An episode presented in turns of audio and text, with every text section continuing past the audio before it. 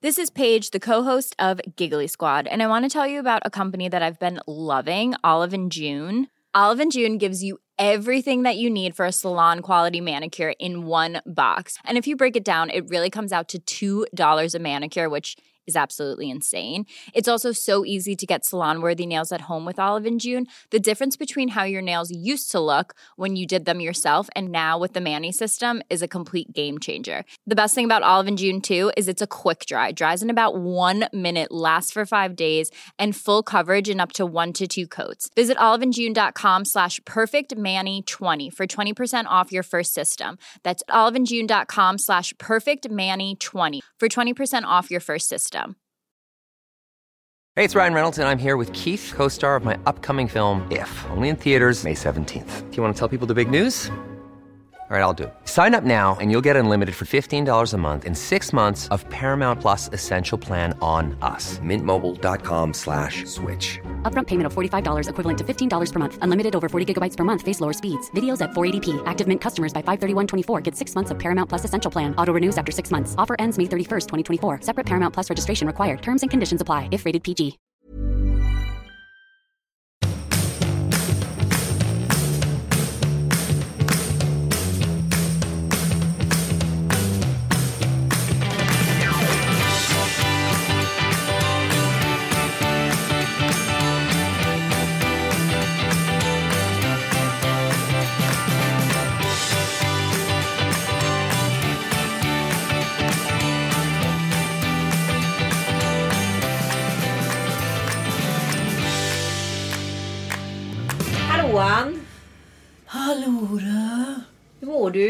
Lite trött idag. Har du varit på akuten eller? Ja, gynakuten.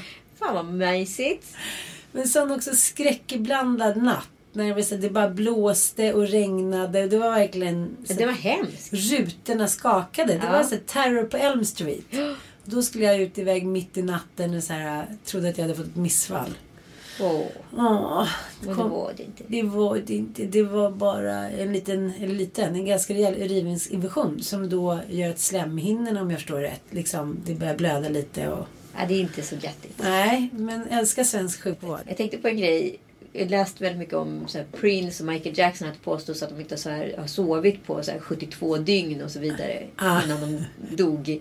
Eh, och eh, då tänker jag på ens egen sömn under graviditet och under liksom, första året med bebis. Den är Sov inte på ett år. Nej, alltså i princip inte mer än så här två, tre timmar i snitt på första året. Liksom. Mm.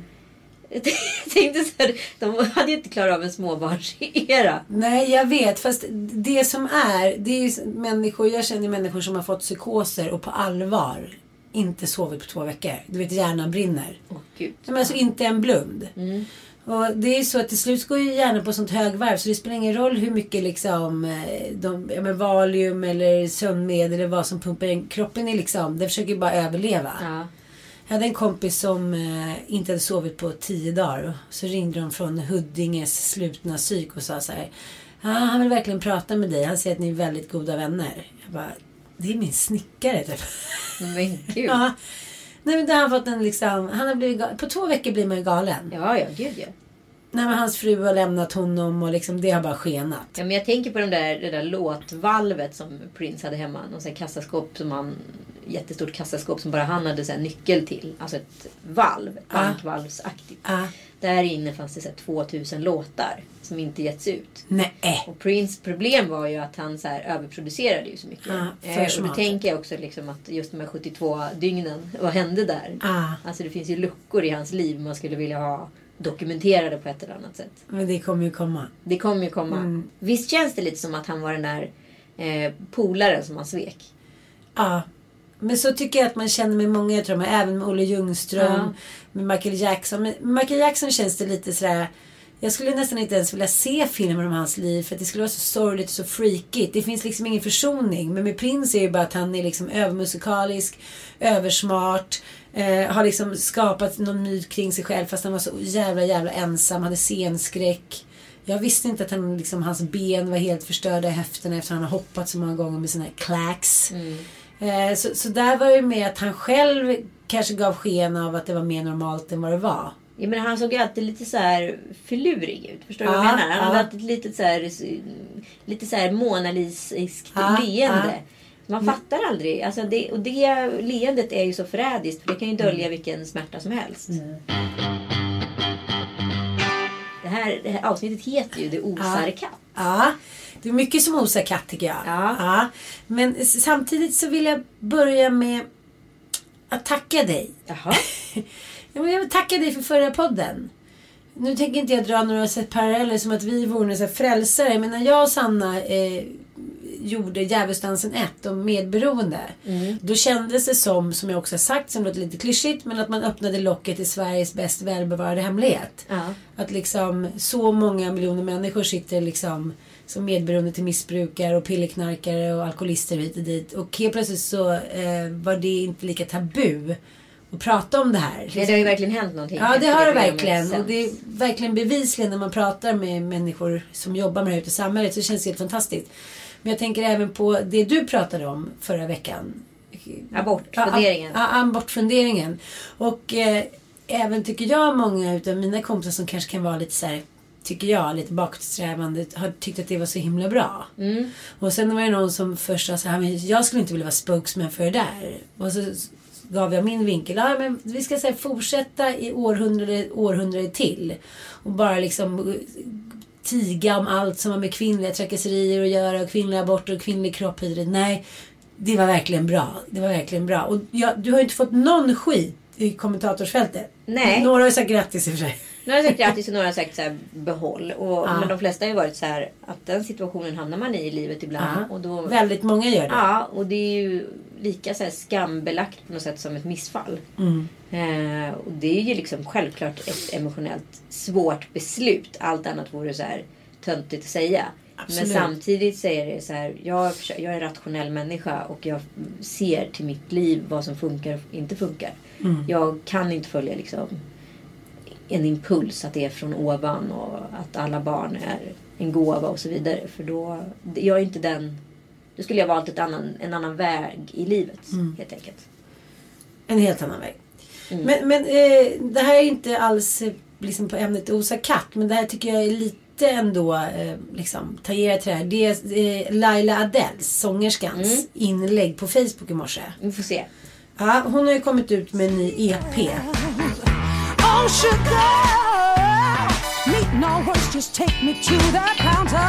Ja, så är det en bild på henne då med, med själva skivomslaget. Hon är jättesöt som hon är och älskvärd. Och så skrev hon bara, behöver ventilera lite. Och så vill hon tacka alla. Och sen så som har delat med nya EP It's Time. Och så tack. Eh, skönt att vissa vill förstå hur viktigt det är att lyfta fram det man tycker är bra på offentliga medier. Jag är Laila Adele och arbetar som professionell sångerska och artist sedan 1999. Nej, in, nope, inte min hobby. Eller jaha, vill du ha lön för att sjunga på dop? Jag trodde du gjorde det gratis för att du tycker att det är kul. När folk säger jag fattar inte att du inte har slagit stort. Du med din röst och utstrålning. Ja men om du på något enstaka sätt kan hjälpa mig så gör det då. då. Eller ja, jag känner den igen. Ja men presentera mig då. Eller ja, vi är så stolta över dig. När det verkligen behövs uppbackning och till och med önskas av mig, vilket känns jäkligt sorgligt, så är det märkligt tomt. Vet ni, allt det där sårar mig enormt mycket. Jag anser mig själv vara en hyfsat stark kvinna. Ja, sen så säger hon så här, nu kanske ni tycker att jag låter bitter och det är klyschigt. Men, men eh, det handlar inte om det. Jag liksom... Eh, jag, jag är inte bitter, men det skulle vara kul om vi kunde hjälpa varandra lite mer. Vi, liksom. Finns. vi, ja, men vi kvinns, vi alla på något sätt. Så är det massa likes från Hasse Shimoda och eh, Mika Bindefeld och hit och dit. Alltså, hon eh, framstår då kanske i vissas ögon och öron som bitter. För mig tycker jag bara att det är så här... Nej men hon tycker liksom, fan hjälp mig då. då. Ja men det var ju coolast jag läst på länge. Ja, men, men det här är ju väldigt ovanligt. Ja. För det här anses ju liksom, även fast man känner så. Mm. Så kan man ju inte skriva det, för då framstår man ju som en bitter gnällkärring. Förlåt att jag säger det i feminin liksom, fokus, men, men Nej men för att här handlar det om att hon, eh, hon, hon... Jag tycker hon gör det så pass snyggt. För hon skulle med liksom lite mindre snusförnuft. Ja. Skulle hon kunna tangera till att så här, eh, spela på så här offermentaliteten. Men här var det ju ganska mycket så här. Men hjälp mig då. Ja. Vad är problemet? Ja. Alltså att, alla som jag känner, alla som har liksom eh, funnits där vid sidan av mig. Eh, om ni tycker att jag är så jävla bra, dela EPn då. Ja. tycker det är rätt skönt. Ja, jag tycker det var jätteskönt Ja. sagt. Fan vad härligt. Ja, bra Laila. Ja. Vi hejar på dig. Sen har det ju osat en riktigt snuskig liten lortig katt i Frankrike. Ja. Det här tycker jag är väldigt upphetsande. det här snuskeriet. Nästa. Nej, men det är franska kvinnliga ex-ministrar som har gjort ett upprop mot sextrakasserier. Och säga vad man vill, men både Frankrike och Italien har ju inte flaggan i topp när det gäller så här manliga politikers liksom... Ja, Magdalena Ribbing skulle ha ett och annat att säga till om deras trosdragande och tafsande och ordlekar med, ja du fattar. Ja, nej men det känns ju som att eh, allting under liksom Schweiz. Alltså den, där är liksom någon gräns i Europa. Det märker du också när du kommer och kollar på TV. Ja. Har du sett på hur, hur det skiftar i humor? Om du kollar på liksom eh, på nyheter och på liksom underhållning ovanför den schweiziska gränsen och så nedanför. Ah. Det, är liksom, det är som att åka tillbaka så här 50 år i tiden. Bara, oj, oj, oj, här var en blondin lite knas i huvudet igen och blev jagad av en man på ett åker. Ja. Men det som är tycker jag, där italienarna liksom springer hem till mamma och, om hon ringer. Så är fransmännen mycket mer översittare männen. De Ja. kollar på en som att man så här, vore en liten slaskig köttbit som de ska bara... Exakt. Ja, men det som hände var i alla fall att ehm, det har varit eh, liksom, en utredning kring den tidigare biträdande, biträdande talman. Som då har sextrakasserat någon. Och då eh, säger den här IMF-chefen Christine Lagarde och sen förra hälsoministern Roselyne Bachelette och Cécile Duluth. Tidigare bostadsminister i ett uttalande som publiceras i veckotidningen Le Journal. Och där finns också, undertecknad finns också 89-åriga ex-justitieminister Monique Palletier. Som berättar att hon blivit sextrakasserad av en parlamentsledamot för 37 år sedan och att hon skäms för sin egen tystnad. I det här uppropet så fördömer de liksom alla sexistiska kommentarer och olämpliga åtbörder och beteenden och sådär. Vilket jag tycker är helt fantastiskt. Eh, och nu har ju då finansminister eh, Miche- Michel Sapin eh, ersatt att han agerat lite olämpligt mot en kvinnlig journalist. Vet du vad han har gjort? Nej. Det här tycker han är lite olämpligt. Alltså han vill inte erkänna att det är sextrakasseri va? Men han har eh, nekat till att han har ryckt i resåren till hennes trosor under en konferens två gånger. Men han kan erkänna att han kanske har fällt en liten kommentar. Och sen råkat liksom lägga handen på hennes rygg. Ja, kanske lite längre ner. Okej. Ja. Mm. Ja, så nu ska i alla fall de här franska ministrarna ha eh, bestämt sig för att, att underkasta, eh, de ska inte underkasta sig eller bekämpa sexism. Och det här är lite som eh, du och jag pratat om förut. Att det här är så vanligt förekommande. Ja. Även liksom bland homosexuella, män och kvinnor. Att vi har liksom nästan lite så här slutat reflektera över det. Det är klart att alla blir utsatta för liksom eh, lite sextrakasserier och lite tafs. Det är bara så livet är. Det är helt för jävligt. Fuck that känner jag. Ja men gud, jag kommer ihåg ett företag som jag jobbade på där liksom själva partygimmicken var innan man gick ut på typ så här fredagsvinets efterfest. Det var typ att killarna stod i en grupp runt en tjej och låtsades så här porrspruta på henne. Va? Ja, så här. Eh, kom, kom, kom, kom! Som en rolig grej.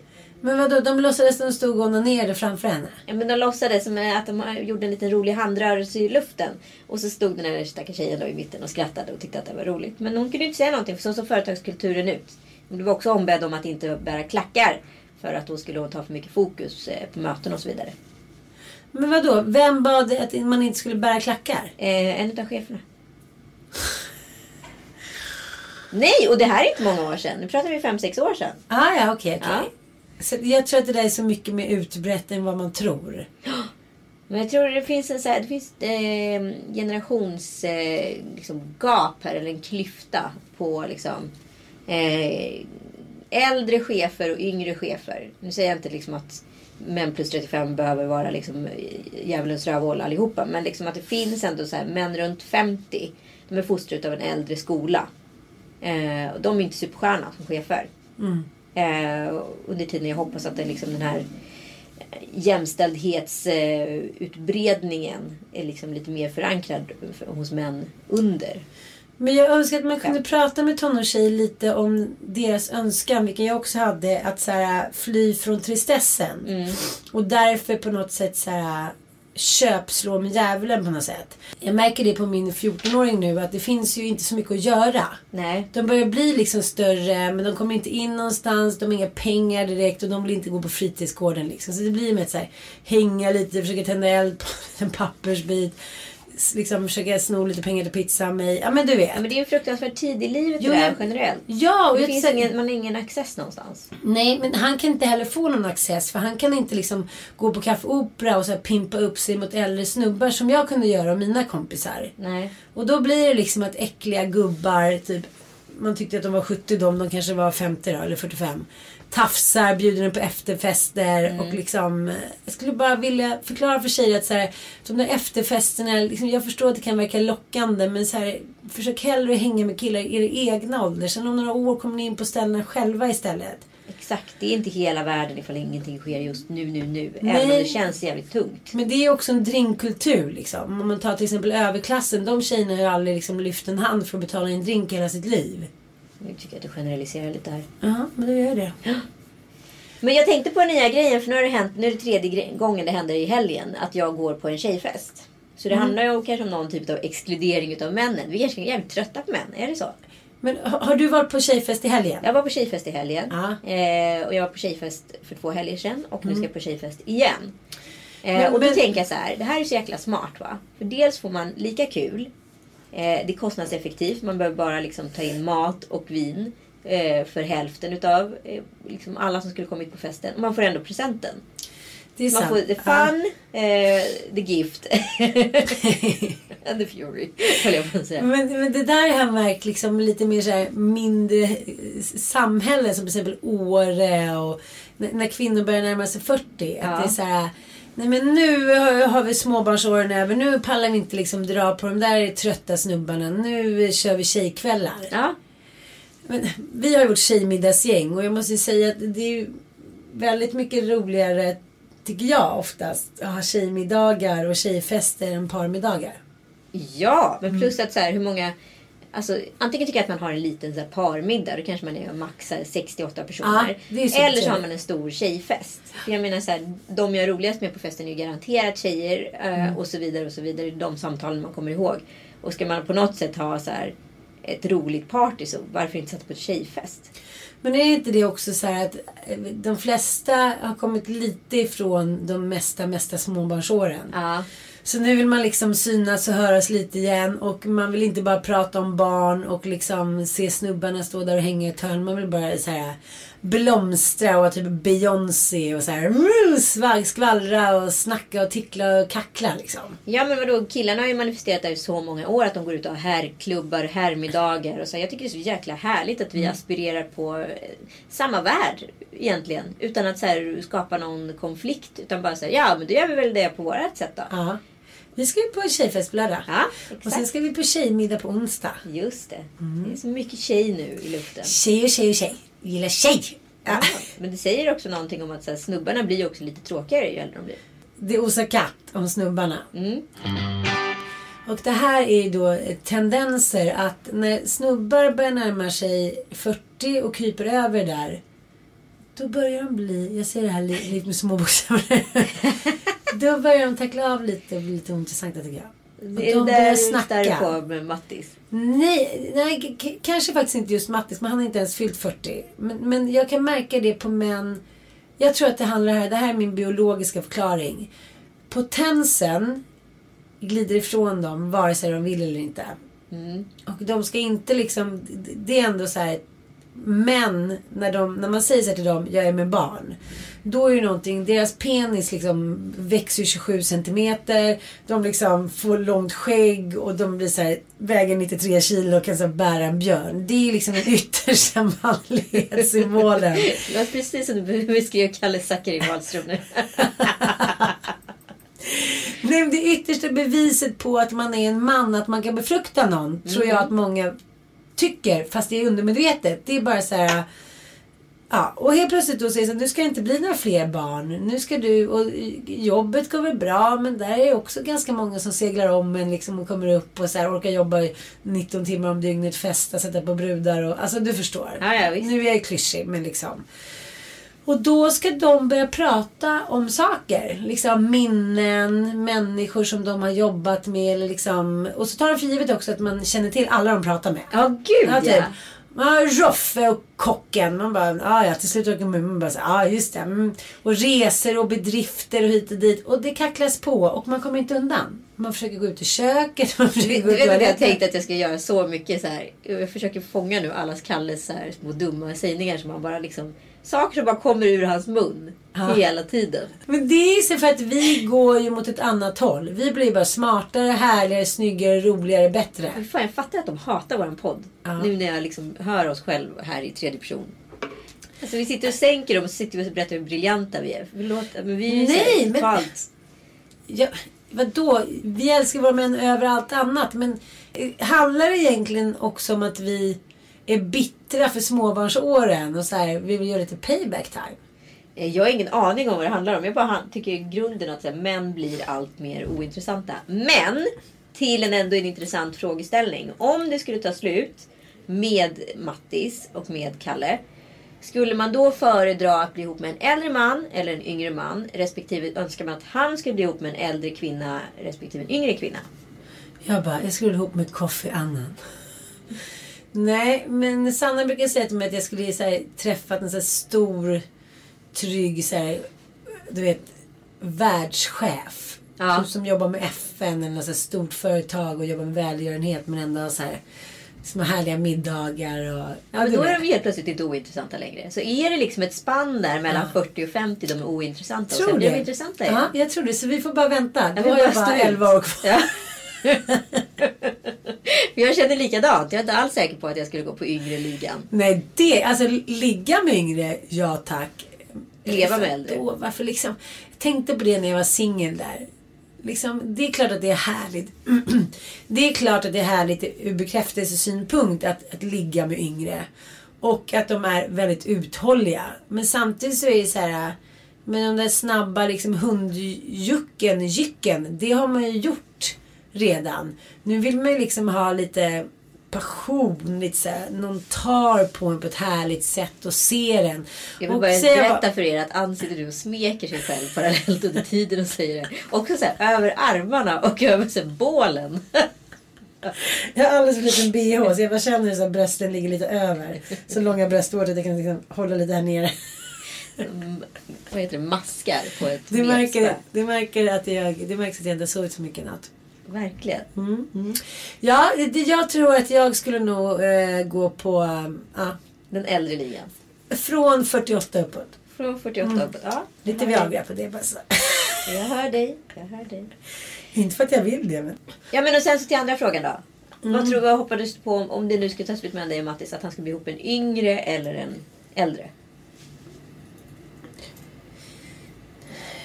Det, spelar inte så himla stor roll. Rent så här, utseendemässigt och liksom virilmässigt så är det klart att man är såhär, jaha. Klart att han skulle gå och träffa sig en 26-åring liksom. Det skulle man bli lite såhär, gud vad klyschigt. Men eh, jag skulle inte vilja att han träffade någon ny. Nej, så han ska leva i celibat under tiden du går vidare med din Ja. FN-man. Ja, nej, din jag världsman, världschef. Kofi Annan.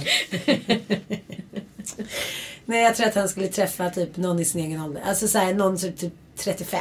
Ja. Mm. Men det där är så spännande för jag tänkte på det att det är mer hotfullt på något sätt med någon som är lika gammal som en själv som kanske är supersmart och då vet man att han har valt henne utav så här, ren emotionella värderingar. Att Ja. så här, han har valt någon som är lika bra eller till och med kanske bättre än jag.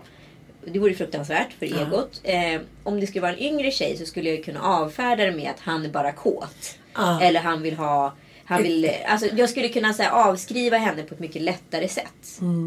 För det måste ju finnas en orsak eller en anledning eller ett skäl till att män skaffar sig väldigt mycket yngre tjejer när de skiljer sig. Det måste ju också vara en potensgrej. Ja. Det är som killar säger ah, om man är studentska, får man hålla sig ung, får man hålla sig ung. Men så jag är såhär, jaha okej jag föder femte barnet här. Det får man ju hålla mig ung. Alltså vi Ja. kan ju liksom inte kontra på något sätt. Nej. Alltså Madonna då, då har hon yngre män. Men hon skulle ju hållit sig fräsch och ung ändå. Ja, Så det är liksom, det är så här att mota döden i grind. Och det är liksom, män har ju i allmänhet mer dödsångest än kvinnor.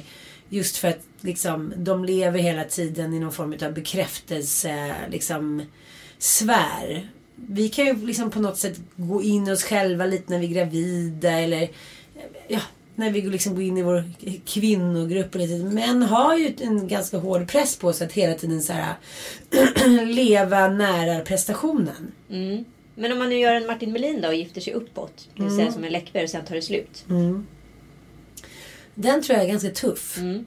Jag tror att den, eh, inte för att generalisera, men jag tror nästan att det är tuffare att vara man och gifta sig uppåt och sen bli dumpad än vice versa. Så Dominika skulle klara sig bättre än Martin Melin. Ja, mycket, mycket. Anders Borg. Men eh, kan vi jämföra Martin Melin och Dominika? Det vet jag inte. Men vi kan ju åtminstone jämföra med att, liksom, att eh, Läckberg satt på ett eko- ekonomiskt kapital och förtroende. Och eh, Anders Borg satt på ett liksom, politiskt eh, förtroende och eh, kapital. Ja.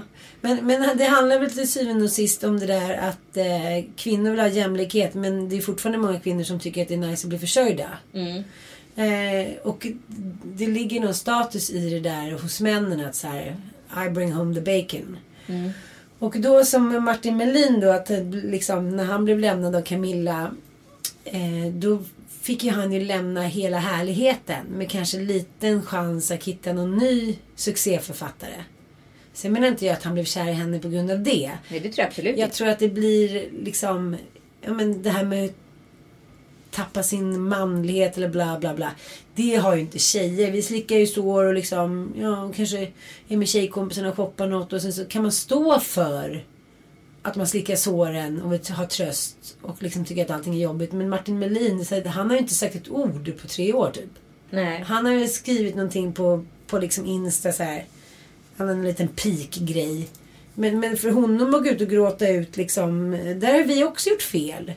Ja, Jag har skrivit någon bitterpenis eller någonting. vi kallar honom för bitterkuk. Ja, och det är liksom, där så, bidrar ju vi till att liksom fastställa de här normerna, könsnormerna. Att liksom, ja, fan vad dåligt av oss. Jag vill be om ursäkt. Förlåt Martin Melin och förlåt eh, alla kvinnor. Vi får skärpa oss med det där. Det var inte roligt. Ser man hur lätt det är att slinka in i fällan. Slinka in den. Ja. Skämmes. Men apropå liksom eh, kvinnligt, manligt. Vi har, det har hänt massa grejer. Det var ju Eurovision Song Contest i helgen. Mm. Har vi något att säga om det? Ja, jag måste faktiskt eh, få, få hylla nu då Petra Mede och... Eh, Vilket jävla dream team. Nej, men jag bara känner så här. Liksom, hur har de lärt, liksom, hur har de lärt sig alla de där danserna och låtarna och liksom eh, stå där och bara leverera kväll efter kväll efter kväll. De, jag fattar inte. Nej. det måste ju vara, jag vet att Petra Mede är ett geni men nu måste jag även ge det till Måns. Verkligen. Och sen att de har fått dit liksom eh, en av mina favoritartister som bara kom in och levererade. Nej men jag bara är liksom helt chockad av allt. Jag måste säga att det är den snyggaste så här, bildproduktions... Eh, Sverige levererar Ja. för första gången. vi måste ändå ge Sven Stojanovic som har varit liksom producenten för det hela. Yeah. En jävla superrungande applåd. Kan vi få lite applådeffekter här Magnus? Herregud, bra jobbat. Där var du i hamn. En Ja. världsproduktion. Det var ju första gången USA tittade också. Nej men alltså jag fattar ingenting. Helt plötsligt så gick vi från så här träslöjdsmajar till liksom top notch teknik och jag fattar ingenting. Vad Nej, hände? Globen. Jag har aldrig sett Globen exponerad på det där sättet. Nej, och till och med liksom eh, humorinläggen var ju lite fiffiga och roliga Ja, liksom. Bravo där David Sundin. Ja, mycket Ja, bra mycket David bra. eller David eller David. Men eh, jag måste ju bara säga att det är så roligt att se så en 17-åring som först står i liksom svenska melodifestivalen som Frans och så här If I was sorry och sen helt plötsligt så liksom typ två månader senare så är det som att det är typ en man som är en världsartist. som liksom Jag tycker han är så gullig. Och du sa det, gud jag bara, han är så snygg. Då sa Mattias, men gud han är 17. Jag bara, ja. ja men jag tycker fortfarande att han är så gullig. Han är gullig.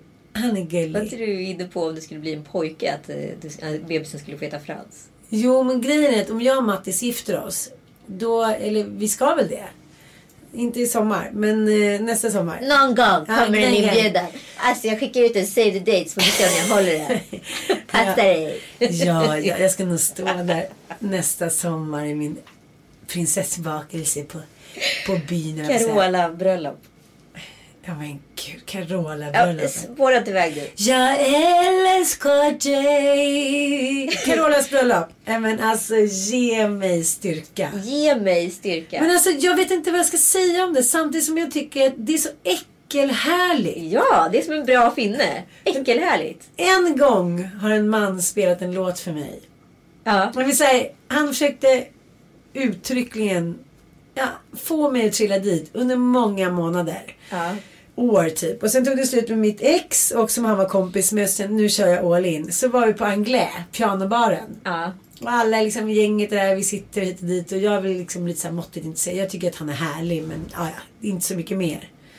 Och så plötsligt bara sätter han sig vid pianot och sjunger så här. Ja men jag kommer inte ens ihåg vad det var för låt. Men en låt och bara det här är till dig han. Han fick ju, han fick ju ligga. Han fick ligga. Mm. Jag har ju varit med om en, fått en ballad efter sex. Jaha! Då med en man som sätter, äh, står då Som med en gitarr eh, liksom, naken med penis då hängande. Och också du vet så här, penis efter sex är fortfarande ganska så här, Ja. uttänd även om den är slak. Ah. Så att Det levererar. Nej, men det var också lite äckelhärligt. Det var som en bättre finne. Du vet. Man var så här, fast nu vill inte jag... Du vet, så det är efter sex ibland. Vill man Ja. liksom inte tänka på sex. Nej, Nej. inte du. Du vill bara ligga och rulla runt i alla de där saverna. Men jag i alla fall vill ju liksom så här, få, Rom. sätta på mig kläderna och liksom Och bara gå därifrån. bara gå därifrån. Nu har du fått dig någonting liksom. Tack för leveransen ajaken. Ja. Åh, apropå leveranser kan vi prata Ja, men om... vadå, vänta, jag fattar inte. Vad, han ställde sig Han med ställde sig då Nopedon i med vädret. Nopedoni med liksom ena benet på sängkanten och så, så Så här, penis jävla hängande. klyschigt. Och så, så Vad sjöng han då? I did Nej, it jag, my vågade inte way. ens, jag, du vet, jag var så här, jag blev så stressad utav hela situationen så jag fick nä, nästan så här panik. Jag, du vet, Ah. så här, hade jag kunnat hoppat ut genom fönstret hade jag gjort det. Men vad sjöng han jag då? kommer inte ihåg, det var en ballad. I did it my Det var den way. enda ballad du kom på. Tydligen. Jag bara, det är den enda jag tänker på. Det enda jag kommer på. Okej, den här då. Ska du gissa balladen? Det här kan vara en hel podd. Jag, Jag kommer inte ihåg den än. Nej, det var inte Adele i alla fall. För hon fanns inte då. Skit i det. Det i alla fall... Jag fokuserar inte så mycket på balladen. Jag fokuserar Nej. mycket mer på hängande penis. Ja, men jag tänkte väldigt mycket på att jag väldigt många gånger har blivit kär i en talang. Jag har Ja. insett det efteråt att det kanske inte var så mycket mannen. Nej. Det var antingen ett rykte om mannen som liksom på något sätt undermedvetet tilltalade mig och jag är så här, när jag väl såg han så bara ding. Eller också har jag sett den här mannen, kan vara kvinna också, gjort någonting som är sensationellt bra. Och då är jag fast. Jaha. Ja. Och så glömmer du bort allt det andra. Jo men, men Anouk var det så här, han hade ju typ Sveriges vassaste penna då. Och... Nej, vad ska jag Nej, men jag tyckte han skrev så bra. Jag så här, drömde nästan om så här, hans texter. Och då var det kört. Och med Mattis var det så här att jag kom där på golfbanan. Han, liksom, han satt och rökte där i sin golfbil. Hade gjort illa benet på en svensexa. Ställde sig upp och bara så här. Men det är så fantastisk golfspelare. Då var det också klart. Ja, det är så. Ja. Det räcker för dig. Om- någon är så här riktigt, riktigt briljant på någonting. Då blir jag liksom... Jo, men det kan jag också. Det kan jag verkligen vara jättesvag för. Jag tycker så här, att Kalle har ju också en väldigt vass penna. Ja. Och också en, en humor. Alltså som vi har pratat om tidigare, det här med funny bones. Att vissa har ju medfött. Det är inget tränat, utan det sitter där. Han kan liksom leverera på en sån nivå som är så subtil men perfekt. Och med den, liksom när man gör det, ah Jesus Christ. Alltså det finns ju många Upphetsande. män. Vad sa du? Upphetsande. Ja men såhär Ricky Gervais, han har också det. Han är, ser ut som skräp med och Louis Han får ligga Han får ligga. Herregud, bring it on. Nej men alltså det, är- det är klart att det är en talang men liksom sen är det, it comes more to it. Jo men absolut. Har man men ju legat med jag- bara talanger och då har det inte liksom levererats något annat. Apropå Zlatan menar du? Apropå Zlatan. Nu har vi två grejer vi måste prata om angående Dosa katt. Mm. Dels det som du pratade om innan. Hur kvinnor och män tar sig an misslyckanden Ja. på olika sätt. Otroligt liksom könssegregerat höll jag på att säga. Och sen måste vi ta lite Mona Sahlin. Ja, Ah. jag måste avsluta med Mona tror jag.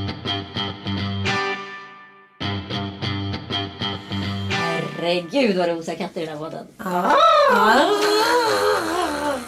Ja, Jag kliar mig till och med som katt Ja, nu. jag ser det. Jag tänkte på det här med Romson, Åsa Romson eh, och eh, Zlatan har ju båda liksom tagit farväl kan man säga den här veckan. Det var en jättedramatisk vecka på må- många sätt och Ja. vis.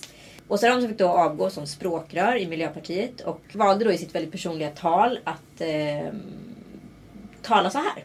Det hade också varit roligt att eh, fortsätta att göra just det här arbetet. Och det är alltid hårt att känna när man inte är behövd. Men aldrig, aldrig att det kommer att förta den stolthet jag känner för att ha gjort det här tillsammans med Intressanta ordval. Hon säger att hon, eh, att hon inte jobbet var oönskad. Eh, många liksom... Hon tar ansvaret på sig för det här misslyckandet. Under tiden jag kan tycka så här. Finns det en bedömning på manligt kvinnligt här? Eh, Har hon skitit i det blå skåpet väldigt många gånger? Ja, det har hon gjort. Har Fridolin duckat bakom henne? Låtit Ja, henne ta det har många smällar? Ja, det Check. har han gjort. Check på den.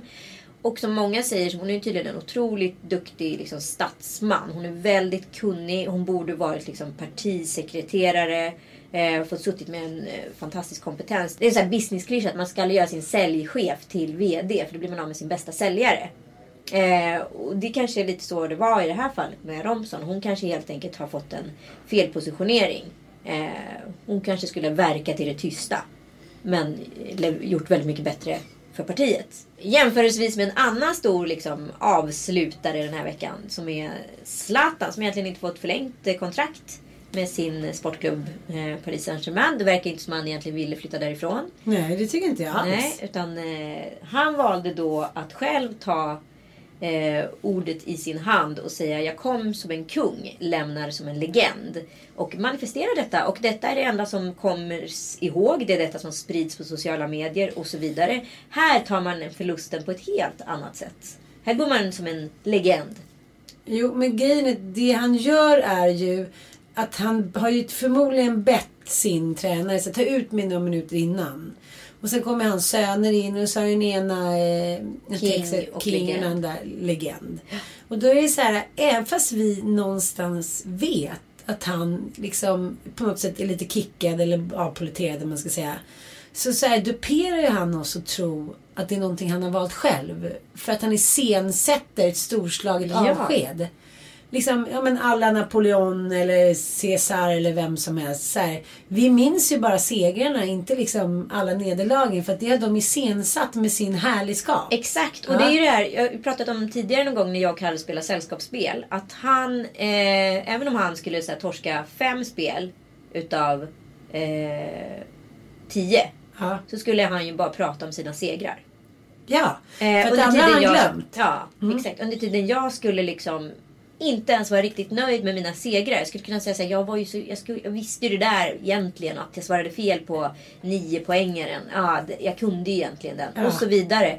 Men jag tror också det handlar om approcheringen här. Hur man väljer att liksom hantera och hur man äger ordet. Åsa Mm. Romson pratar om att hon är oönskad. Hon har redan gjort sig till ett offer.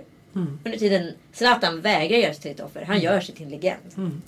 Det är inte intressant. Och jag tror att det där är ett väldigt bra liksom, en, vä- jag tror att det är en väldigt bra metod att använda både i privatlivet. ja men ärligt talat. Nej, men jag ser ju hur, varför människor, varför män kommer längre i yrkeslivet. För att de använder de metoderna. Ja, men jag tänker att vi också tänker så himla liksom som att snävt kvinnor att vi är på andra plats. En kompis till mig sa på någon middag här för några veckor sedan. Vi pratade om otrohet och sex och så här. Ja, men är det så att bara män får ligga så, så är de inte otrogna mot den? Då sa jag så här, jag kan inte svara på den frågan för jag eh, sätter mig inte själv i den situationen rent tankemässigt. Att jag och min man är liksom olika individer där jag på något sätt ska leverera någonting för att han ska stanna kvar hos mig. Liksom, om jag tycker att vi är jämlika då finns inte den frågan. Om vi älskar varandra och har bestämt oss för liksom vad vi nu har bestämt. Ja, då spelar det liksom, om han inte får knulla på ett tag, då ska inte det betyda att han är otrogen. Liksom, det är en icke-fråga för mig. Men jag tror att man direkt tar på sig så här, det är mitt fel att det blir liksom missfall. Eller det blir mitt fel att det inte blir någon barn. Liksom alltid ska kvinnan ta på sig misslyckanden själv. Om man bara tänker så här, ja men det där är ju bara fake it till you make it. Ja. Det är inte särskilt svårt, tror jag. Fast jag tror inte ens att de reflekterar över det. Jag tror det handlar om uppfostran. Jag tror det handlar om liksom redan från liksom barnsben. Hur man så här agerar runt kvinnor och män. Ja. Jag tror det sitter så jäkla mycket djupare. Alltså jag liksom... Jag och Penny håller på med någon sån här tramsig grej att hon, vi, hon tävlar bara när hon själv vinner. Förstår du? Ja. Att, eh, om, annars är det ingen tävling. Så att det finns liksom inga förluster i hennes liv. Utan det finns bara vinster. Och det är ganska intressant för det kanske är så män Jag är fattar, fostrade. jag fattar. Att så här, Okej, vinner jag inte då bara låtsas vi som att det inte blev någonting. Exakt. Ja, så kan jag Varför tänka mig. inte? Ja. Men det har jag tänkt på nu i helgen när eh, killarnas kusiner har bott hos oss. Ja. Då har det varit en, en tjej som är lika gammal som oss, jag ska fylla 14 och så deras brorsa. Och det här har blivit så otroligt tydligt nu när det har varit liksom lite skarpt läge med kalas och det ska fixas godispåsar och det ska bakas och hit och dit.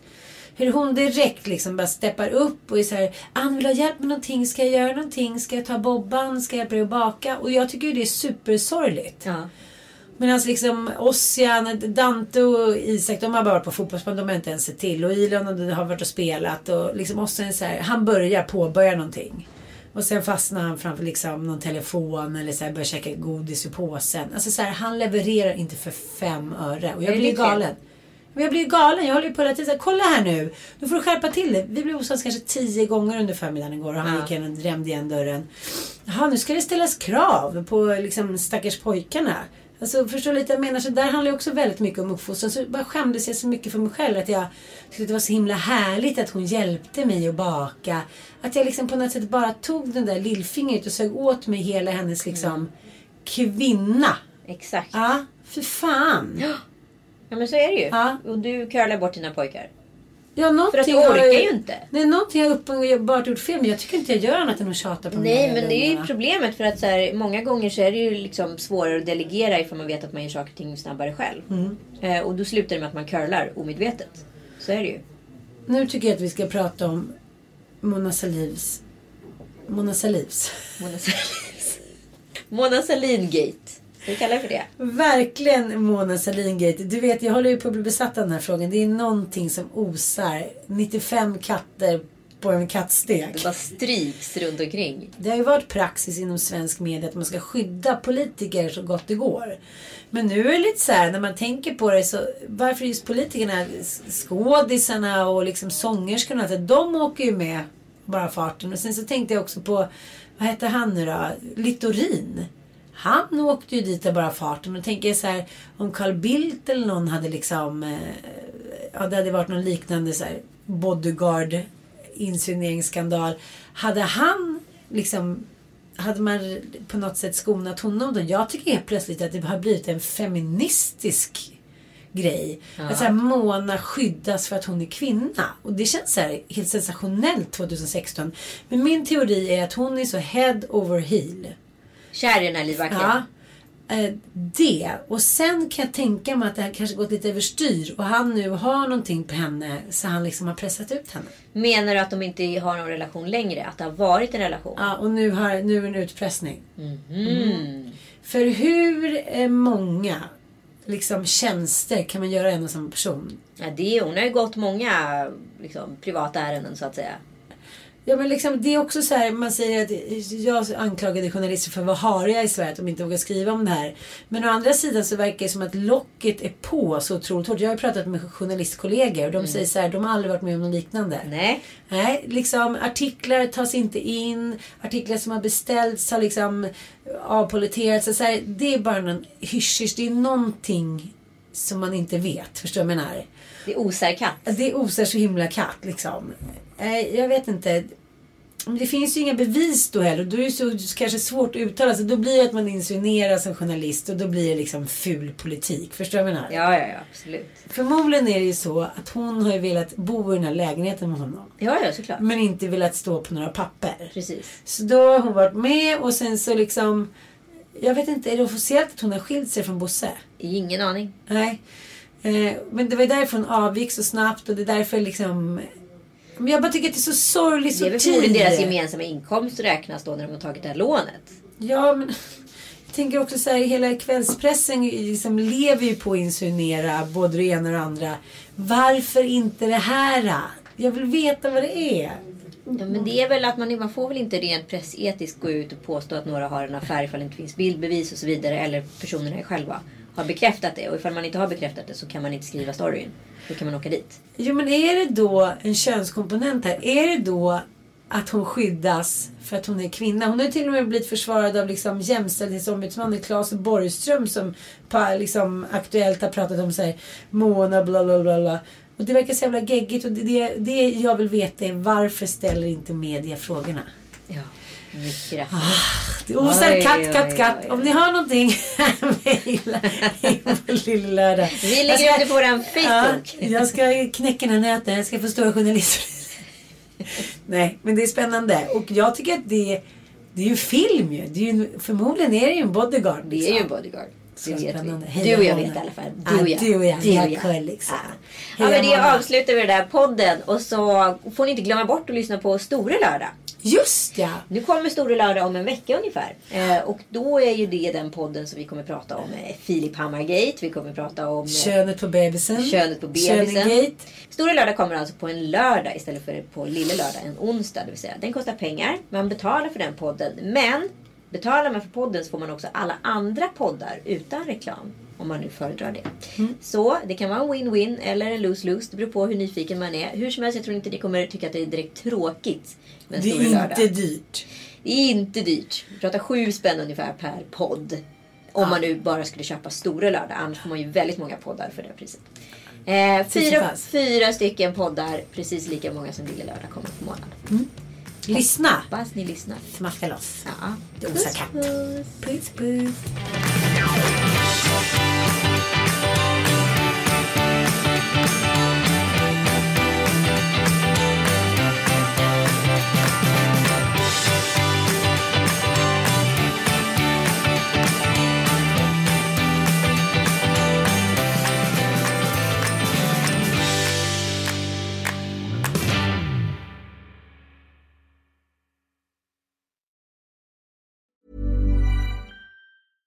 Hi, I'm Daniel, founder of Pretty Litter. Did you know cats tend to hide symptoms of sickness and pain? I learned this the hard way after losing my cat, Gingy. So I created Pretty Litter, a health monitoring litter that helps detect early signs of illness by changing colors, saving you money and potentially your cat's life. Pretty Litter is veterinarian developed, and it's the easiest way to keep tabs on your fur baby's health right at home. Go to prettylitter.com and use code ACAST for 20% off your first order and a free cat toy. Terms and conditions apply. See site for details.